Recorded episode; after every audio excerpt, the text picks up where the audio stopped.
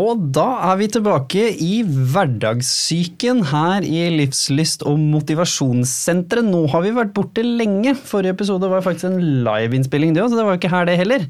Og ikke bare det, vi har to fantastiske nye gjester og en ny gjestehost. Så la oss bare hive oss inn og begynne med gjestene, selvfølgelig. Velkommen. Hvem i all verden er du, og hvorfor er du her i dag? Um, jeg heter Ingeborg Sønneseth.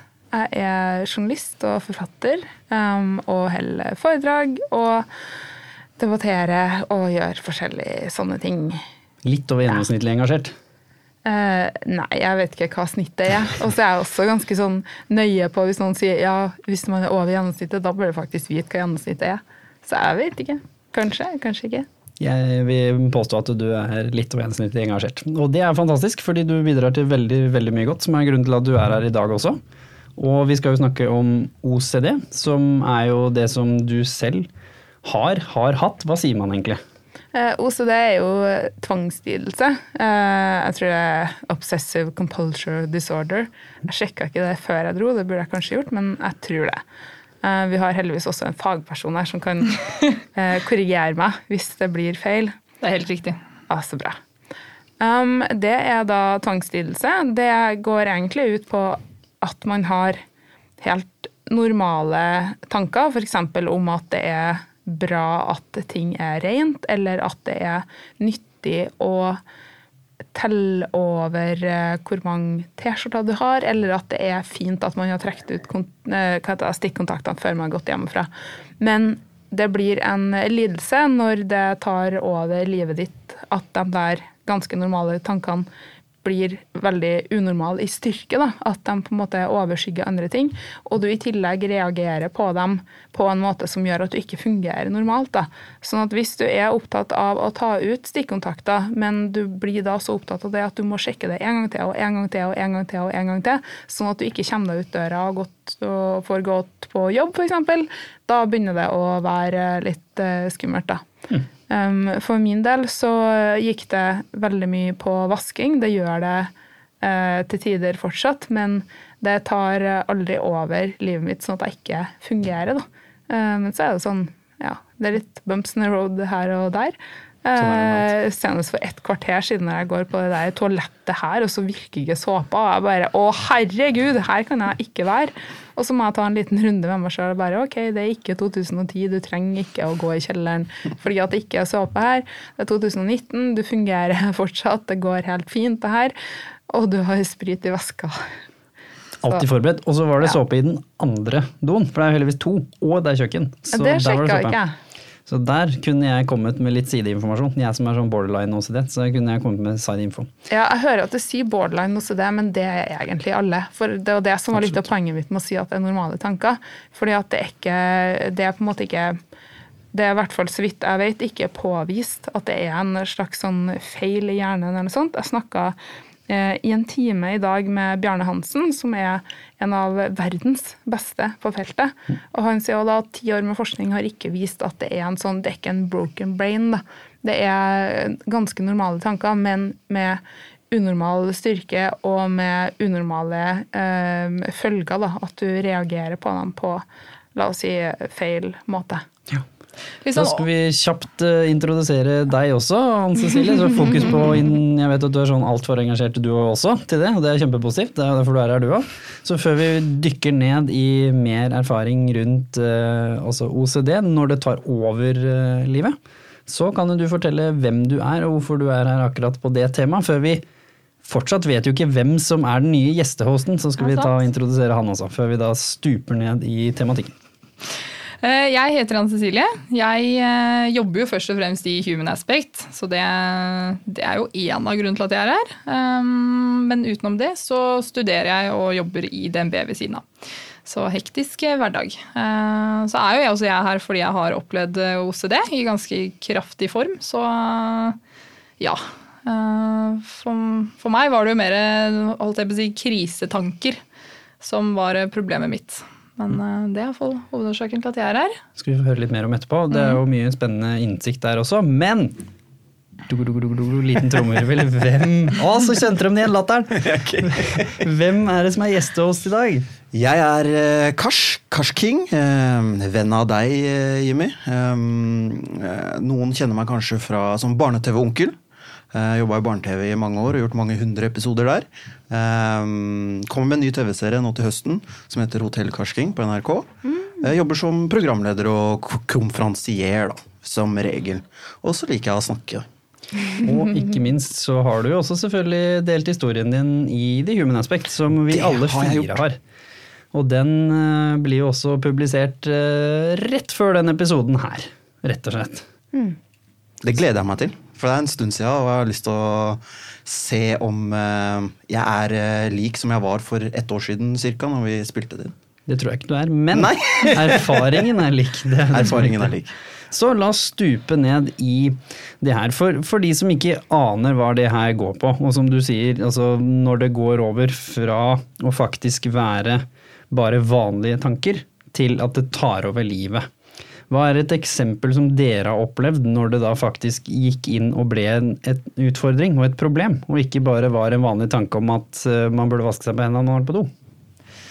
Altså For meg så var det jo Jeg hadde det som verst mens jeg studerte. Eh, ja, som jeg for så vidt gjør ennå. Men eh, problemet mitt var at jeg satt jo kanskje 80% og fokuserte på det her, og 20% med det jeg egentlig skulle fokusere på. Og det gjorde meg ekstremt sliten, så eh, det gikk jo på en måte utover jobb og, og skole og alt, for jeg ble ja, mer eller mindre utbrent av det. Eh, så jeg ble mye syk, mye fysisk syk. Eh, ja, fikk liksom mer sykedager enn jeg var komfortabel med, for jeg tror kroppen min var så utbrent av dette her. Eh, eller hjernen. Hvor gammel var du når du forsto at du hadde OCD? Altså, når jeg forsto det sånn ordentlig, tror jeg var 16-17. Men jeg fikk jo, når jeg ser tilbake på det, så fikk jeg det da jeg var ni. Eh, så var det jo litt sånn gjennom hele livet, og etter hvert sånn i 15-årsalderen så gikk det mer på en slags spiseforstyrrelse. Da ble det en sånn kontroll, et sånt kontrollbehov for meg. Og så eskalerte det vel ganske kraftig når jeg var, tror jeg var 17. For du, sier, du, du, du, snakker jo om dette nå som mm. om det er vanlig, men for de som mm. hører på som kanskje ikke helt forstår, mm. hva var det som gjorde deg så sliten? Hva var det som tok over? For du sa 80 ja. fokuserte jeg på det, men mm. det, hva var det du fokuserte på? Har du noen eksempler? Uh, altså det, det, er jo litt som, uh, som uh, Hva skal jeg si? Du føler du står i en fare da, hele tiden. Du, for meg var det jo krisetanker. Det var for at eh, altså Et godt eksempel var jo bare komfyren, som det starta litt sånn smått med at jeg måtte sjekke komfyren kanskje tre, fire, fem ganger før jeg skulle ut døra. Måtte ofte liksom løpe tilbake. Eh, samme med at jeg var f.eks. Eh, jeg var livredd for på en måte alt som kunne være fare. Jeg var livredd for kniver, jeg var livredd for, eh, for, um, for, for alt som liksom betydde fare. da. Og da, og da, gjorde det vel egentlig at jeg, jeg, gikk rundt med en konstant fryktfølelse. Eh, det er som at du ser huset ditt brenner, og du er livredd, men så skjer det ikke. Du er fortsatt, du er fortsatt like redd. Eh, og det tar jo ganske mye på, da, for å si det sånn. For du sa jo i intervjuet ditt at du mm. visste at det ikke var rasjonelt. Mm. Men du klarte allikevel ikke å la det ligge, sant? Mm. Hva, kan du forklare litt mer, eh, hvordan fungerer det? det du vet at huset ikke brenner, men du er fortsatt like redd som om det brenner. Hvordan, hvordan fungerer det? Jeg tror du mister litt tillit til deg selv. Eh, for meg at jeg, jeg klarte ikke å stole på intensjonen min. Eh, jeg visste langt langt inne at det var selvfølgelig så var det ikke farlig at det lå en kniv på skuffen. Liksom, at Det er ikke sånn at den kniven hopper på deg og, og tar livet av deg, men, men allikevel så ble de tankene så sterke at det, det, det føltes liksom ut som at jeg, jeg, ikke klarte å stole på eh, det som var rasjonelt. da. Eh, litt vanskelig å forklare, men, eh, men du hadde et eksempel om faren din, om at du var redd ja. for at noe skulle skje. Mm. ja, det ble altså en av mine verste, eller mest skumle tanker omhandlet familie og de var glad i. Det var litt sånn at jeg, hvis for eksempel mamma og pappa skulle kjøre et sted, da. Um, og jeg, og jeg drakk en slurk med vann, og der og da tenkte jeg at ok, de dør. Så måtte jeg ta en ekstra slurk, for jeg tenkte at de ikke dør. Uh, da måtte jeg liksom kontrollere det, for jeg tenkte at hvis jeg ikke tenkte at de ikke dør, så kom de til å dø, og da er det min feil. Og så spinner det seg så langt at du begynner å tenke at At, eh, at, eh, selv om du tenker at det ikke er din feil, så tenker du at ok, hvis det skjer, så kommer jeg til å skylde på meg selv. Så du, du, du drar det så langt ut. Du på en måte krisemaksimerer hele situasjonen og spinner på det og tenker så mye på det at det blir en sannhet til slutt. Så ja, beste måten jeg kan forklare på, tror jeg. Ingeborg, du har jo masse um, forskjellige erfaringer du også. Hva, hvordan, fordi det er jo forskjellig. Fra, hun sier at det er krisetanker var det du mm. hadde. Du kom jo med et eksempel her i starten om, om, renhet og bakterier, som kanskje er litt mer kjent for mann i gata, vil jeg si. At det kanskje OCD så forbinder de med akkurat det der. At man må vaske seg kanskje litt ekstra mye og sånn. Hvordan fungerte dette for deg, og hvordan så det ut når det ble mer en utfordring da, enn bare helt vanlig at man er rein. Det er jo hyggelig, det. Ja, eh, Det er veldig lett å kjenne igjen masse av det Ann Cecilie sier. Um, når man sier at det med OCD er at man vasker seg litt for mye, så blir det litt som å si at er, man er litt sulten og sammenligner det med hungersnød. Det er sånn, uh, Jeg har møtt veldig mange med OCD som på en måte ikke uh, Nesten ikke kan bruke hendene sine, da, for de er så, de er så sår, for de er så i stykker vaska. Um, jeg hadde den ironiske eh, fordelen ved at jeg følte også at vann var litt skittent. Eh, fordi at de hadde jo vært gjennom rørene, så jeg brukte håndsprit istedenfor. Så det tok jo sånn sett vare på hendene mine, så jeg var heldig, eller uheldig med det. Men eh, det er Det er en liten bit av et veldig stort bilde, da. Hvis jeg skal prøve å forklare det litt, så er jeg mer vant til å snakke ofte om anoreksi, som er da på en måte det som har prega livet mitt mest. Fordi at jeg fikk det da jeg var på slutten av barneskolen, og var syk helt eh, fram til eh, jeg var utskrevet i 2012. Um, da hadde jeg vært på sykehus i, i, tre år sånn sammenhengende som innliggende pasient, i tillegg til en god del år med behandling. Men Cecilie, du også beskrev jo at mm. du hadde det som en kontrollbehov. Så hvis Ingeborg, ja. da kan du fortsette å fortelle om hvordan det kom inn. At det kanskje er en potensiell connection også. Det er det. Mm. Eller mener de, da. Ja. Um, det var jo en del av det. Um, den, jeg husker godt det øyeblikket der jeg skjønte hvilke av de to kreftene som var sterkest i meg. Uh, på et helt konkret øyeblikk, faktisk. Um, det var på mitt uh, første psykiatriske sykehus. Uh, jeg var innlagt i Levanger, på en spesialisert avdeling der. Vi var åtte pasienter, og hver eh, tirsdag og torsdag så var det obligatorisk dessert. Um, og på den ene obligatoriske desserten så var det tett opp mot juletider, og pasientene hadde fått lov til å være med og bake pepperkaker. Eh, jeg hadde ikke vært med på det, for jeg syntes det var helt sinnssykt at man skal drive og ta hendene sine på deg. Det var sånn å spise etterpå. Jeg syntes det var helt kakas. Og så fikk vi et valg på den desserten om å velge oss ut en pepperkake å spise. Eh, og altså, jeg visste godt at en liten pepperkake det er ikke noe spesielt mange kalorier. eller noe sånt. Det er egentlig en sweet deal for en eh, anorektiker å få lov til å velge en pepperkake istedenfor dessert. Men pga. at jeg hadde sett at de hadde tatt på deigen, så var det, det, var, det var helt umulig for meg. Det var, ikke, det var ikke vits å tenke på engang. Så det endte opp med at jeg fikk en hel skål med is som jeg satt og gråt ned i. Sånn saltvann og fløteblanding-ting. Mens de andre hadde bitte lita pepperkake hver. Og da skjønte jeg at ok, det er noen ting som skiller, som skiller den situasjonen jeg er i, fra mye annet. da. Uh, og det der gjentok seg med mange uh, ulike hendelser der jeg, der jeg hadde ekstremt behov ofte for å kaste opp uten at jeg egentlig trengte å bli kvitt noe mat, men det var mer at jeg følte at jeg hadde fått i meg noe ureint. Og det der gjorde etter hvert at uh, jeg skjønte at jeg trengte hjelp med noe helt annet enn i hermetegn bare spiseforstyrrelser, men det var utrolig vanskelig å få.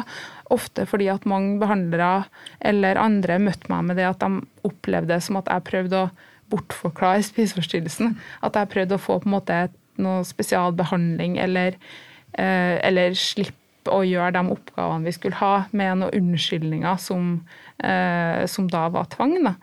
Um, det var først på mitt eh, tredje og siste sykehus, etter å ha vært der i to år, at jeg fikk ordentlig OCD-behandling. Og da gjennomgikk jeg en sånn treukers eh, intensivbehandling, som i dag er kokt ned til fire dagers behandling. Eh, som da har blitt veldig kjent etter hvert verden over. da. Eh, og det var, det var han jeg prata med i dag, som var behandleren min i de tre ukene. Og, Eksponeringsterapi. Ja, og ikke bare eksponeringsterapi, Da. det kommer vi til å komme litt tilbake til. Men eh, noe så krøkkete som eksponeringsterapi med responsprevensjon. Mm. Ja, spennende ord. Men det som, eh, som, er litt sånn interessant der, som jeg tenker slår seg for mange av de som kanskje ikke har det selv, men som har da barn som potensielt eh, kan ha OCD, eller som kjenner noen som har det. For å spørre deg, da, kanskje som, eh, som, kanskje, eller som jeg er helt sikker på ikke har det. Sånn. Hva, hva hadde du tenkt hvis noen liksom kommer til deg og forklarer at uh, du, nei, jeg tror at uh, jeg har eh, OCD, når det er som det er jo altså Borderline er et passende ord i form av at du sier at det er egentlig normale tanker, men som da går bare til et sted hvor det tar over. Og det er ikke i utgangspunktet noe som er galt med deg fra starten av, for det er jo ikke blitt påvist gjennom forskning. Mm. Så det er jo et eller annet, en prosess som skjer her, hvor du på en måte tipper over på et vis. Men hvor i all verden er det tippe over punktet? Og for et vanlig person, hvis, du, hvis kjæresten din hadde da kanskje mm, gjort enten at dere ikke rakk flyet fordi hun måtte sjekke komfyren sju ganger før dere skulle gå. Hvordan hadde du håndtert det som en helt vanlig person? Hvordan skal man liksom snakke om det? Du, eh, det er et godt spørsmål, eh, Jimmy. Hun, kjæresten min, da, hun har jo altså Du kan jo si borderline, da, som vi har eh, Hun hun har noe Hun ville jo sagt at hun har OCD, men ettersom jeg hører på dere, så har ikke hun OCD. Eh, men hvis det skulle skjedd, så tror jeg bare måtte prøvd å forstå hva hun vil, da. Hva, hva, eh, jeg må si at ok, flyet vårt går nå. Eh, vi må rekke dette flyet her. Men hun går fram og tilbake til kjøkkenet for å sjekke om, eh, om hun er på. Så jeg vet ikke hvordan jeg hadde håndtert det, men jeg, det kan hende jeg hadde blitt sur til slutt. For jeg ikke hadde forstått. Mm. forstått henne i det hele tatt. ikke for, for, for meg så er det Å høre på dere er ganske interessant, da. Fordi at det Jeg har aldri jeg har ikke hørt så uh, dypt om noen som har OCD før. da, Før jeg treffer dere. Jeg har på en måte sett en TV-serie her, eh, kanskje sett en dokumentar her, men det er veldig sterkt å høre på dere som har opplevd og gått igjennom OCD, og jeg vet ikke hvordan jeg hadde håndtert det. Men jeg tror jeg hadde vært forståelsesfull til et punkt, og så hadde jeg kanskje bare mista det. For jeg bare Vi må gå om en er av. Eh, og det er kanskje kjipt for henne, da, eh, kjæresten min, da, som har OCD. Da, eh, som ikke føler seg forstått, da, kanskje. Det kan jo hende at dere har slitt med det. At folk ikke forstår hva dere går gjennom og tar for lett på det. Fordi jeg har en sånn tendens til å ta for lett på når hvis andre folk kommer til meg med jeg har noe jeg må si deg, jeg har et problem med noe. Mm. Og så gir jeg dem kanskje et svar, men nei. Og så blir jeg sånn Men bare fiks det, sier jeg. ikke sant? Men så er ikke alt så veldig lett å fikse. Og det er noe jeg vokser Jo eldre jeg blir, jo mer forståelsesfull håper jeg at jeg blir, og eh, mer tålmodig blir jeg. da. Så jeg er en person som kanskje kunne bare Hvis jeg hadde vært kjæreste med en av dere, da, og så hadde jeg ikke visst om dette OCD Kanskje, kanskje, noen folk med OCD holder det hemmelig også. Mm. Eh, de vil ikke snakke om det. Tror meg det er utrolig ja. mange som gjør det. ikke sant? Meg inkludert en lang periode. Ikke så, sant? Så hvis vi hadde begynt å date, da, og så skulle du skrudd av om en hel tida, så kan det hende jeg hadde blitt veldig frustrert. Ja. Og ikke, jeg, ikke hadde, det hadde ikke tenkt meg at det er noe du blir lagt inn for da, og må jobbe med i mange, mange, mange år. Eh, så jeg ser at det der kan være et problem. Men ikke nødvendigvis i mange mange år. Nei. Det som er tingen at det er så mange som behandles uh, dårlig. Uh, som f.eks. får en oppgave om at de skal gå og eksponere seg masse. Hvis de er redd for å vaske seg, da, så skal de gå og ta på masse lort og skit. fordi at i de spesialiserte avdelingene så er det f.eks Eh, en oppgave som kan være at du må slikke på en sko, ikke sant? Eller at du må Ja, ja, Det hadde ikke jeg gjort heller. Altså, det er sånn, sånn det, eller, ja, det, er, det er ganske sånn ekstreme oppgaver, men det er ikke den ekstreme oppgaven som er viktig. Eh, og det skal ikke være en konkurranse i å finne liksom verst mulig eksponering. Og det er mange som har OCD, som jobber så hardt med å eksponere seg sjøl, fordi at de tenker at det er veien mot å bli bedre. Mm. Men så handler det egentlig om hvordan du håndterer ting etterpå. Etterpå. Om du på en måte gjør opp for det igjen etterpå. Det hjelper jo ikke i det hele tatt at du har stikka på en sko hvis du går og kaster opp, eller hvis at du vasker deg masse etter det. Og det er tingen at man skal prøve å på en måte være i den angsten som oppstår. Til toppen har gått ned, og så eh, ta det derfra. Da. Og det er en grunn til at den behandlinga er ned på fire dager. fordi at det, det, skal egentlig ikke ta 27 år som en pasient, eller seks år som en annen pasient hadde. Og det var i løpet 27 av dem, år? Ja, det er en konkret pasient jeg tenker på når jeg sier det, men det er mange som lever med Noen, det her ja, i, si det, har det hele i hele ja. Ja. Og det er sånn, jeg var, jeg var jo innlagt i, i tre år på det sykehuset der jeg også fikk den OCD-behandlinga, men det var fordi at helt tilfeldig var det under samme tak. Eh, og der kom det jo pasienter inn hele tida, ut igjen. Eh, Mens jeg var der på sånn langtidsoppfòring, skal du si. Um, og da kom de jo inn og forteller om at det her har de ikke snakka med noen om i 10 år, 15 år, 20 år. Eh, kommer inn, er kanskje ødelagt i både huden og hodet og, og absolutt alt, og så får de livet sitt på en måte snudd på hodet i løpet av et par uker. Eh, Og går Man skal ikke si at man går ut som et nytt menneske, på ingen måte, men man går ut som et litt friere menneske da, og med bedre verktøy enn hva man eh, hadde da man kom inn. Og det er så store forskjeller, da, og det handler om at det er en spesialisert behandling eh, som ikke bør gjøres liksom, av folk som sånn har hørt litt om det. Det er jo ingen som, jo ingen som blir eh, hoftekirurger på et todagerskurs heller. Nei, og Det er litt viktig å snakke om, fordi dere nevnte det i stad, vi gikk ikke i dybden på det, med, med stigma, som, eh, som Kars var så inne på, hvor han sa at eh, det kunne jo vært noe man hadde holdt hemmelig, og da nikka jo dere og ble jo veldig engasjert begge to her. Det, det er veldig vanlig. Kan dere ikke dele med oss hvorfor, hvorfor gjør man det? For det er sikkert mange som hører på som tror de har det, som kanskje aldri profesjonelt har sjekket, men som kjenner seg igjen i masse av det dere sier nå, og som er sånn det hadde jeg aldri gått og sjekka meg for, eller jeg hadde aldri sagt fra. Hvorfor, hva er det man er redd for? Det er ganske mange som har eh, ting som er mye mer pinlige enn det som kommer på TV. At Folk kan f.eks. ha en tvangstanke om at det er viktig å nappe ut alle hårene og nesa si. Eller at det er eh, Eller seksuelle tvangstanker, da.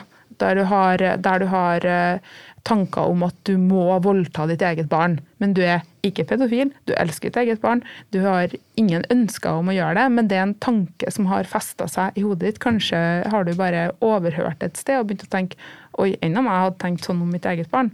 Oi, tenker jeg sånn om mitt eget barn? Hei, jeg tenker sånn om mitt eget barn. Spinner du det? Og så har du spint det og spint det og spint det, og så i det øyeblikket du prøver å ikke tenke den tanken, så er du fucked, da. For det er sånn her, altså, Hvis alle vi fire inn her skal prøve å la være å tenke på en rosa elefant akkurat nå, så er vi ferdig, ikke sant? Det er jo sånn det er Og det, ja, og det der er en, sånn, det er en sånn tanke som på en måte slår deg, mens de aller, aller fleste da ville bare Gud, for en tanke, og lar den gå. Så kan de som kanskje da er mer disponert, eller har mer angst, eller har en dårlig dag, bli mer opphengt i det. Og det er ikke sånn at du har kjempelyst til å si på et kafébesøk at vet du hva, jeg, jeg har så rare tanker om barnet mitt, jeg. Det er, sånn, det er, mye, det er mye skam, og det, det må være greit. Jeg tenker at alle skal ikke behøve å være åpne om det der, men at vi må ha en terskel som gjør at folk føler at de kan gå til en behandler og snakke om det. For Du sa at du aktivt hadde holdt, eh, holdt det hemmelig, hvis vi skal kalle det det en stund. Anne Cecilie. Hvorfor det? Hva var rasjonaliteten din bak eh, at du ikke delte dette med de rundt deg? Altså, Først og fremst så, så hang jo min OCD veldig mye sammen med skam. Og det gjorde jo naturligvis at jeg skammet meg ekstra mye når det kom til å eksponere meg med for andre. Um, helt ærlig så tenkte jeg bare at folk kommer til å tro jeg er gal hvis jeg, hvis jeg sier disse tingene. Eh, jeg hadde jo f.eks. en tanke om at, at eh, tenk hvis jeg går i søvne og skader f.eks. mamma, pappa, samboer, et eller annet. Jeg var livredd for at jeg skulle plutselig ende i en psykose hvor jeg endte opp med å skade noen. Så min verste tanke var jo at jeg skulle være skylden til et eller annet. Så jeg var, jeg var livredd for å ha skyld i noe. Eh, og jeg tror det var litt det at når jeg sa det høyt, så følte jeg selv at det hørtes så dumt ut at jeg brukte tid på å si det. Eh, og jeg husker i hvert fall sånn jeg var, si på det tidspunktet jeg var 16-17, så, så tenkte jeg litt at jeg var den eneste i verden som, som hadde disse tankene. Eh, og da skjønte jeg jo fort at jeg ikke, at jeg ikke var det, eh, og endte opp med å dra til en psykolog. Og da fikk jeg høre at ok, det er så og så mange her i, i, verden og Norge som har det, og liksom forklarte akkurat hvordan jeg hadde det. Og da fikk jeg bekreftelsen på at eh, jeg var jo ikke alene, da. Og det var jo det som hjalp meg til å faktisk kunne klare å prate om det. Um, men jeg husker spesielt sist Altså Apropos det med å fortelle liksom kjæreste og sånne ting. Da. Jeg sleit jo veldig i starten med å fortelle det til min tidligere samboer. Jeg syntes det var kjempevanskelig, for jeg var redd for at han skulle se på meg som at jeg skulle være slitsom eller at jeg skulle være en byrde. Da. Det var kanskje største utfordring for meg. Eh, men jeg fortalte det, så fikk jeg jo bare egentlig støtte ut av det. Og selvfølgelig er det ekstremt vanskelig å være den andre personen. Så, eh, og det vet jeg at var vanskelig, for det er ikke så lett å forstå seg på. Og når jeg da løper til badet fordi jeg har sett en film som, som jeg får panikk av, for jeg begynner å tenke at tenk hvis jeg er den terroristen på filmen, løper på badet og hylgriner overfor det her, og han kommer inn og bare Hva er det som skjer? Så mm. skjønner jeg at det ikke er så lett for en annen å forstå. Men for meg så er jo det Altså, det er jo Det er jo helt forferdelig mm. å ligge der med smerter av dette her.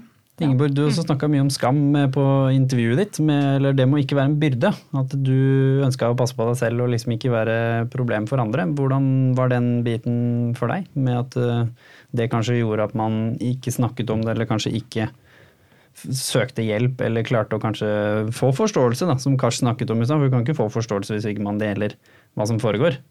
Nei, her var det nok litt annerledes, fordi at nettopp jeg hadde vært en byrde, eh, helt faktuelt en byrde veldig veldig lenge på velferdsstaten, for å si det sånn.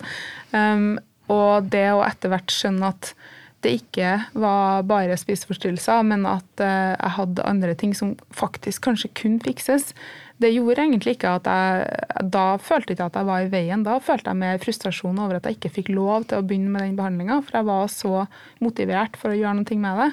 Uh, og jeg prøvde også å forklare det at jeg klarer ikke å bli bedre av spiseforstyrrelsene hvis jeg skal ha så mye eh, OCD samtidig, fordi at det krasjer sånn.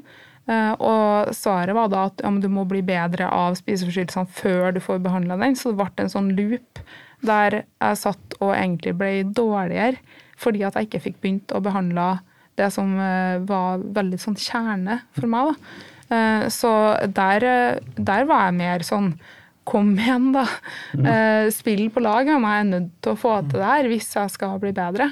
Så, men det handler om at da hadde jeg vært i behandlingsapparatet veldig veldig lenge. og jeg var uh, relativt åpen om hvordan ting var da. Men før den tid, sånn altså i 16-årsalderen Jeg hadde aldri hørt om det. Jeg visste ikke hva det var. Jeg hadde aldri kommet til å koble at det her var meg. Og jeg var òg veldig vant til det å eh, bli møtt med Eh, en forutinntatthet om akkurat hvordan jeg var. Da. For eksempel så trodde de aller fleste at jeg var veldig opptatt av å gå ned i vekt. Eh, men jeg var jo ikke egentlig opptatt av å bli tynn, men jeg var veldig opptatt av tallet på vekta. Mm. så sånn, mm. ja, og det er sånn um, det, det, er et sånn hell i uhell når du er synlig syk. For de aller, aller fleste, spesielt kanskje med OCD, er usynlig syk. Ja. Eh, og, og, blir ikke sett eller møtt på en skikkelig måte, for de ser jo helt vanlige ut. Eh, jeg var veldig åpenbart syk, så jeg ble jo møtt som en så syk. Men samtidig så ble det da helt umulig for veldig mange å se at det var mer enn det som vistes på utsida. Mm. Cecilie, du har jo snakket litt om jobb. at det, Du nevnte det i stad. Mm. Hvordan kan det her være usynlig sykt, da, som Ingeborg sier, på, i en vanlig jobb? Hvordan kan det hindre deg å, å være en helt vanlig Kari og Ola på jobb hvis du har en OCD og ikke får behandling og ikke tør å snakke om det pga. Mm. skam? Hvordan kan det skape hindringer da, i hverdagen? Tingen er at det er så altoppslukende at du på en måte glemmer alt annet, eller det andre blir ikke så viktig, fordi den tingen du tenker på er det absolutt viktigste der og da du spinner så mye på det at det Si du har en deadline på jobb, da, en kjempeviktig oppgave, men så har du en OCD-tanke, så kan det bli så ille at den tanken den er ti ganger viktigere enn det du skal på jobb. Eh, så på det aller, aller verste så, så tror jeg det bare gjør at du Altså du på en måte du glemmer litt det du skal, fordi det er så himla viktig å få kontroll på den ene OCD-tanken. Og så er du så redd, og du sitter med så mye angst og så mye frykt at det er fokuset ditt. Da. Og når du mister fokus på jobb pga. det, så selvfølgelig går det utover arbeidskvaliteten. Før noen får følelsen av at OCD-ere er en gjeng egoister, så, kan man si, så kan man trekke en liten sammenligning med uh, det at mange har katastrofetanker om, om andre. Da. Uh, min tanke var ofte at andre kom til å kunne bli skada av meg hvis jeg ikke kontrollerte meg sjøl. Mm. Um, så i løpet av den treukersbehandlinga så var på en måte høydepunktet i det det var å sitte alene på pasientrommet sammen med en sykepleier, hei og Divar, eh, i hver vår stol. Og jeg med en hammer i hånda. Og jeg skulle kjenne på eh, hvordan det føles ut å sitte rett foran et menneske alene med noe som var dødelig. Da. Jeg fikk en kniv, jeg. Kniv, ja. jeg lurer på noe Fortsett. Ja, nei, men sånn Eh, tanken min da, i, hvis du i 20 år har tenkt at det er viktig å kontrollere meg sjøl, hvis ikke så kommer andre til skade, mm. så er det jo utgangspunktet et ganske uselvisk menneske, sjøl om det er en mm. utrolig ego Det er egosentrert, da. Det, det spinner jo kun rundt deg sjøl, men det er ikke nødvendigvis egoistisk. Og jeg vet at kjempemange eh, med OCD er rett og slett redd for å bli opp oppfatta som enten som lat fordi at de ikke får gjort jobben sin, eh, eller som eh, flinke piker fordi at de gjør veldig mye på jobben sin. det kan også være, eh, Eller som rett og slett egoistisk, da, og at de ikke bryr seg om andre. og og alle de relasjonene som har halvveis rakna eller helt rakna, fordi at det er jo så frustrerende for en annen å stå og si at ja, men vi skal nå det flyet.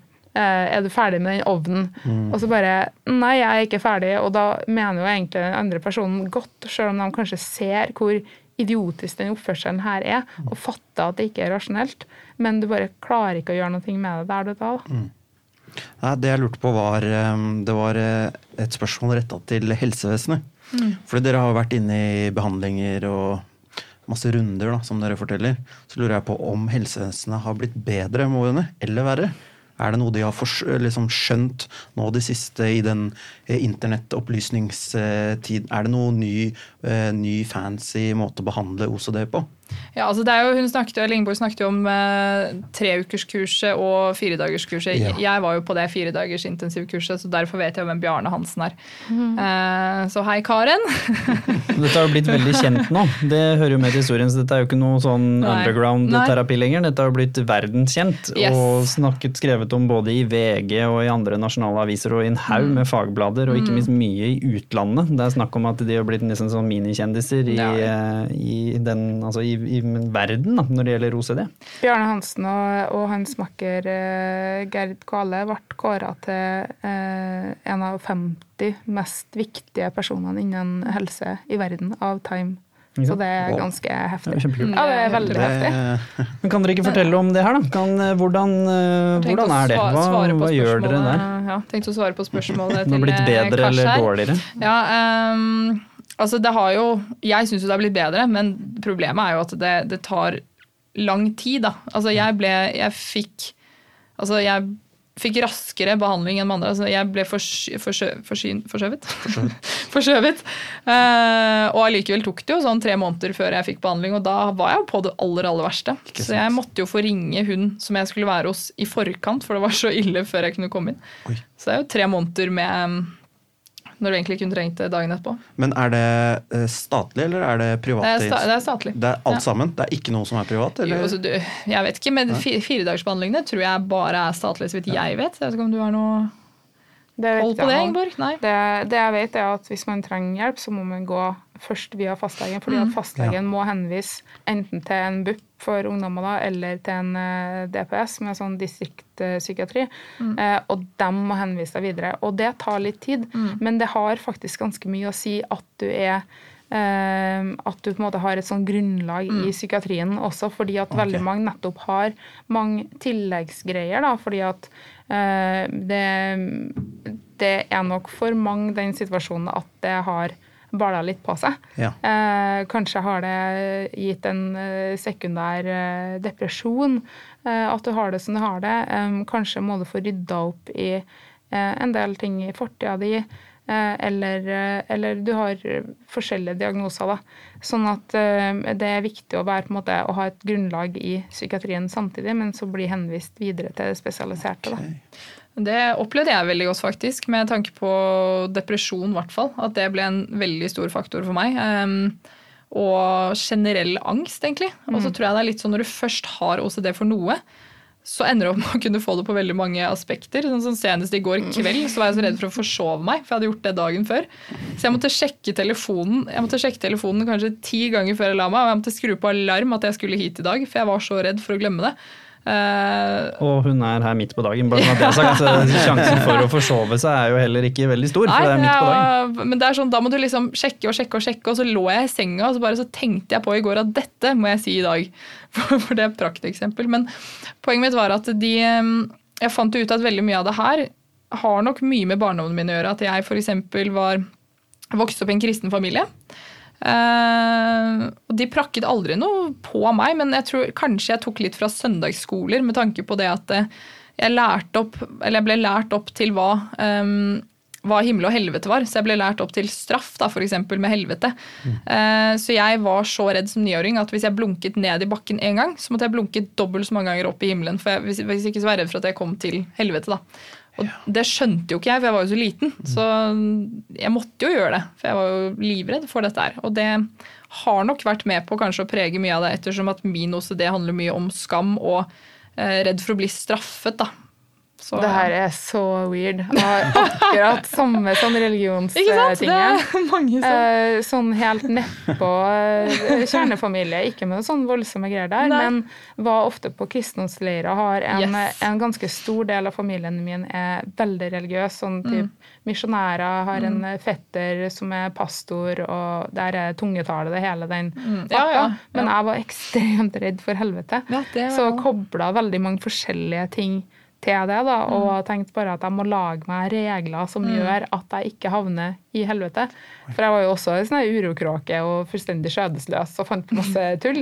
Så at jeg måtte på en måte sikre meg, sånn at jeg kunne gjøre begge deler. da. Så, så lenge jeg teller til 100, så går det bra at jeg, at jeg stjeler sjokolade på butikken. Det er sånn. Jo, jo, men jeg, ja, jeg kjenner meg igjen. Jeg måtte be på kvelden for å ikke komme til helvete. Ja. Så uh, ja. Så det kan hende at det liksom kanskje, siden det nå, som vi har sagt flere ganger, ikke, altså det er jo ikke påvist at dette er noe som nødvendigvis er medfødt eller en feil på hjernen eller noe sånt som, som mange andre mentale altså disorders eh, er. Så det kan rett og slett hende også at det kan komme fra en litt overkontrollert barndom, nesten. At det, det er regler som skal til fordi man er redd for noe genuint. Altså, jeg kjenner meg jo veldig igjen i den biten hvor jeg var eksponert for det kristne miljøet litt sånn midt i livet.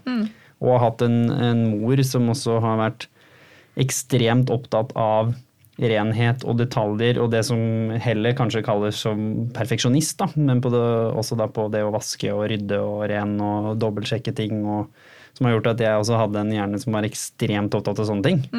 Jeg kunne liksom vaske hele kjøkkenet. Og så var det en smule i hjørnet, sånn som 99,99 ,99 av befolkningen aldri hadde sett, som hun så. Og jeg så den, jeg også, så det var sånn at når hun kjefta på meg, så kunne ikke jeg si at den så jeg ikke, fordi jeg så den. Og så hadde jeg ikke tatt den, og da kom den skammen med å, liksom, å føle seg lat igjen. Og så kommer det sånn, alle de der som var man livredd for å gjøre det. Så når jeg da skulle vaske hjemme for mamma, så fjerna jeg jo alle smulene og sjekka da typ 15 ganger samme benken. Og da tuller jeg ikke når jeg sier 15, det var 15 ganger. Hvor jeg liksom både dro hånda over Jeg husker jeg brukte lommelykt en gang for å se at det ikke var noen som skjulte seg på den benken. For det kunne jo hende at, jeg, at smula så ut som benken. Altså liksom sånn ting som, som går på der òg. Så det kan jo hende at Samtidig, det, det er kommer litt fra det. ja, men sånn For deg som barn da, så var jo det ganske rasjonelt. Ikke Altså, det var jo hvis, du kunne få, hvis du kunne få kjeft for at det ikke var rent nok, og Det du fikk da jo ikke det heller. Det var ja, det som var litt fascinerende. ikke sant? Fordi man spant jo denne sannheten selv, og at man fant den at Fordi jeg hadde jo abandonment issues, fordi at min biologiske far ikke ville ha noe med meg å gjøre. Mm. Så jeg var jo redd for at de skulle kaste meg ut. At jeg liksom skulle bli husløs hvis jeg ikke vaska benken. At Mm. mamma skulle kaste meg ut og liksom si sorry, nå er ikke du bra nok sønn fordi du vasker ikke opp. Og det hadde hun selvfølgelig aldri gjort for noe sånt, eller noe annet for den saks skyld. Mamma elsker jo meg, hun.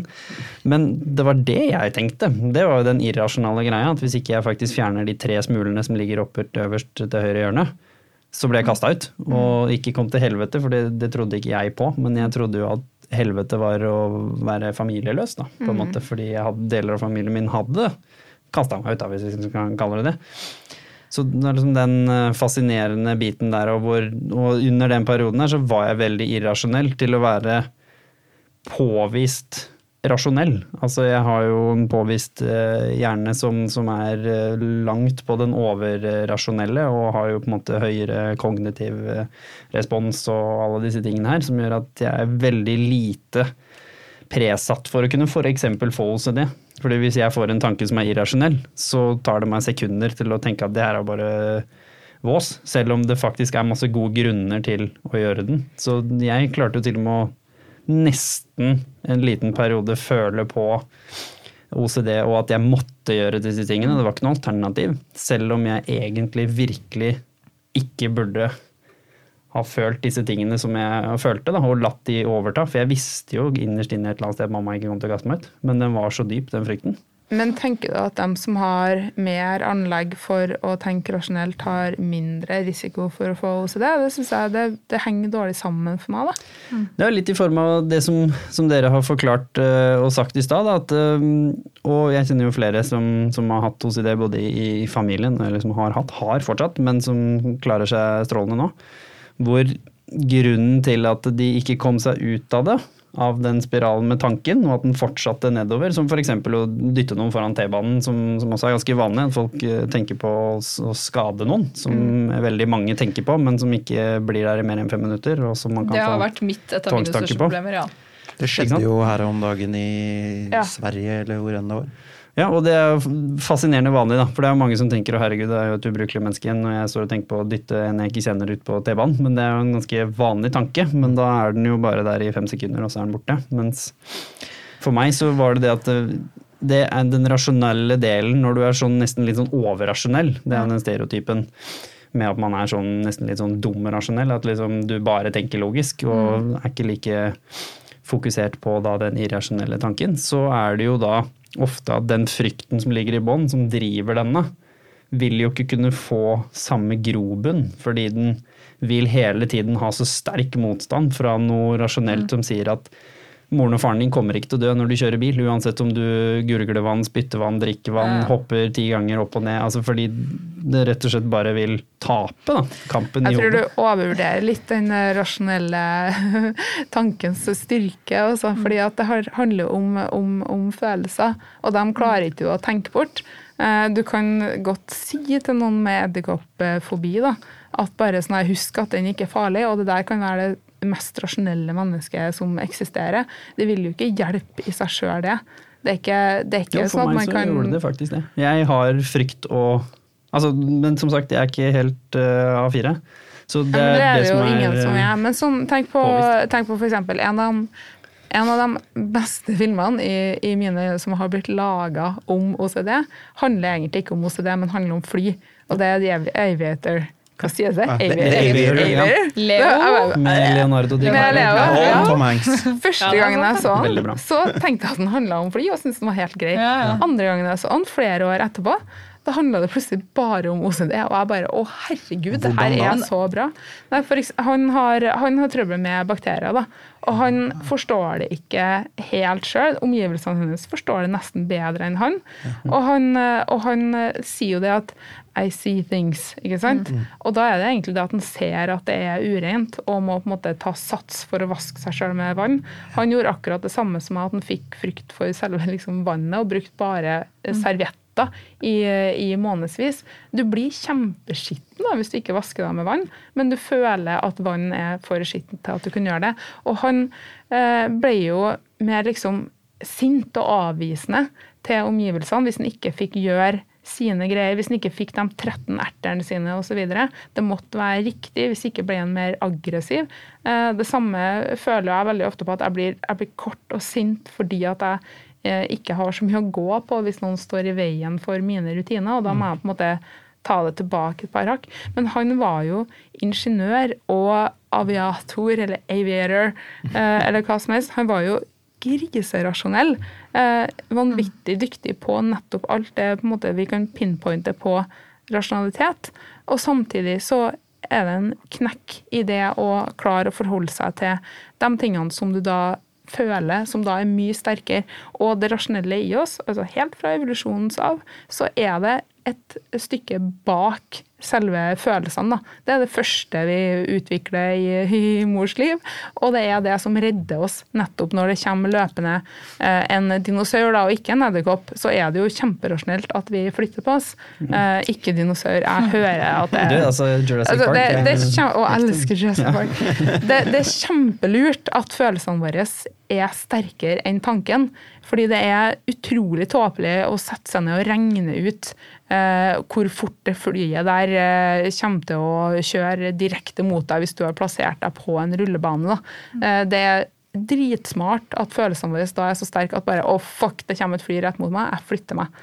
Men en liten eh, fun fact her da, før jeg går over til det jeg faktisk skal si, så har jo Leonardo DiCaprio faktisk innrømt at han har dette her i virkeligheten. Mm. Det var derfor han spilte rollen så bra. Yes, så mm. da tenkte jeg at hvis drømmemannen min har det, så er det greit at jeg også har det. det er veldig bra med rollemodeller òg. Bare sånn ja. før vi går videre, sånn, ja. Eh, i forhold til rasjonalitet, logikk og bare sånn hjernen også, så vi har det på, eh, på stell også. Så er det jo også det instinktive i oss, det dyriske, som gjør at vi faktisk flytter oss fra et fly, mm. eh, har jo i utgangspunktet får bare signaler signaler fra følelsene. Det er ikke en følelse engang. Det går så fort. Og det rasjonelle og det logiske er også to forskjellige ting. Ja, ja. Så det å være en ingeniør og kunne være fremragende logisk, og han er jo matematiker, selvfølgelig, altså han som er fra den filmen, men han trenger ikke nødvendigvis være rasjonell. Så det er også i utgangspunktet eh, to forskjellige ting. Men det er jo ikke noe fasitsvar på om Nei. det er det som er utfordringen. Det er bare det som mm. jeg følte som gjorde at det faktisk Selv når man da i utgangspunktet har blitt fortalt at dette skal ikke kunne være en utfordring for deg, fordi du faktisk er litt uh, annerledes, mm. så selv ble det det for meg en stund, i mm. flere år, hvor det var et problem, hvor jeg gikk rundt og var redd for å bli genuint altså kastet ut hjemmefra og blir kastet ut av hele min egen familie bare fordi ikke jeg vaska ordentlig på benken. Mm. Men, ja. En ting skal, skal, sies da når det kommer til OCD og følelser, og det var en ting som hjalp meg veldig mye, som jeg lærte, og det er at eh, de som sliter med OCD i forbindelse med det å skade deg selv eller andre, som var også en stor ting for meg, som jeg sleit med, eh, det er de som er minst Uh, som kanskje er minst sjanse for å faktisk gjøre noe. Mm. Fordi grunnen til at du har det, det er, og det lærte jeg på det fire, firedagerskurset spesielt, og fordi grunnen til at du har det, er fordi du, du har en så ekstrem samvittighet ofte. da. Uh, at det verst tenkelige for deg er å kunne skadet eller såret noen andre. Mm. Uh, og da med en gang jeg fikk den logikken her, så var det sånn ok, det, det gir jo mening. Mm. Uh, hvis du ikke hadde brydd deg, så, så, hadde det jo vært noe annet. Da hadde jo kanskje det vært uh, litt mer urovekkende enn at du bryr deg så mye. Så, ja, hvordan var dette kurset da, for begge dere to? For da kan vi jo gå litt over i hvordan dere har klart å komme dit dere er i dag. Og spesielt da dette som har fungert så bra for begge to. Det var litt mm. tilfeldig også, for det visste jeg ikke på forhånd. Så det er jo ekstra fun fact at dere hadde faktisk vært gjennom samme, samme programmet. Så hvordan er det da? Dere kan jo begge dele med Kan du kanskje begynne med deg, Ingeborg, siden du fikk uh, volum 1.0, hvis vi skal kalle det det, før det ble tatt ned til fire dager. Hvordan var det når det var tre uker? Hva, var, hva er, det som, hva er det de gjør?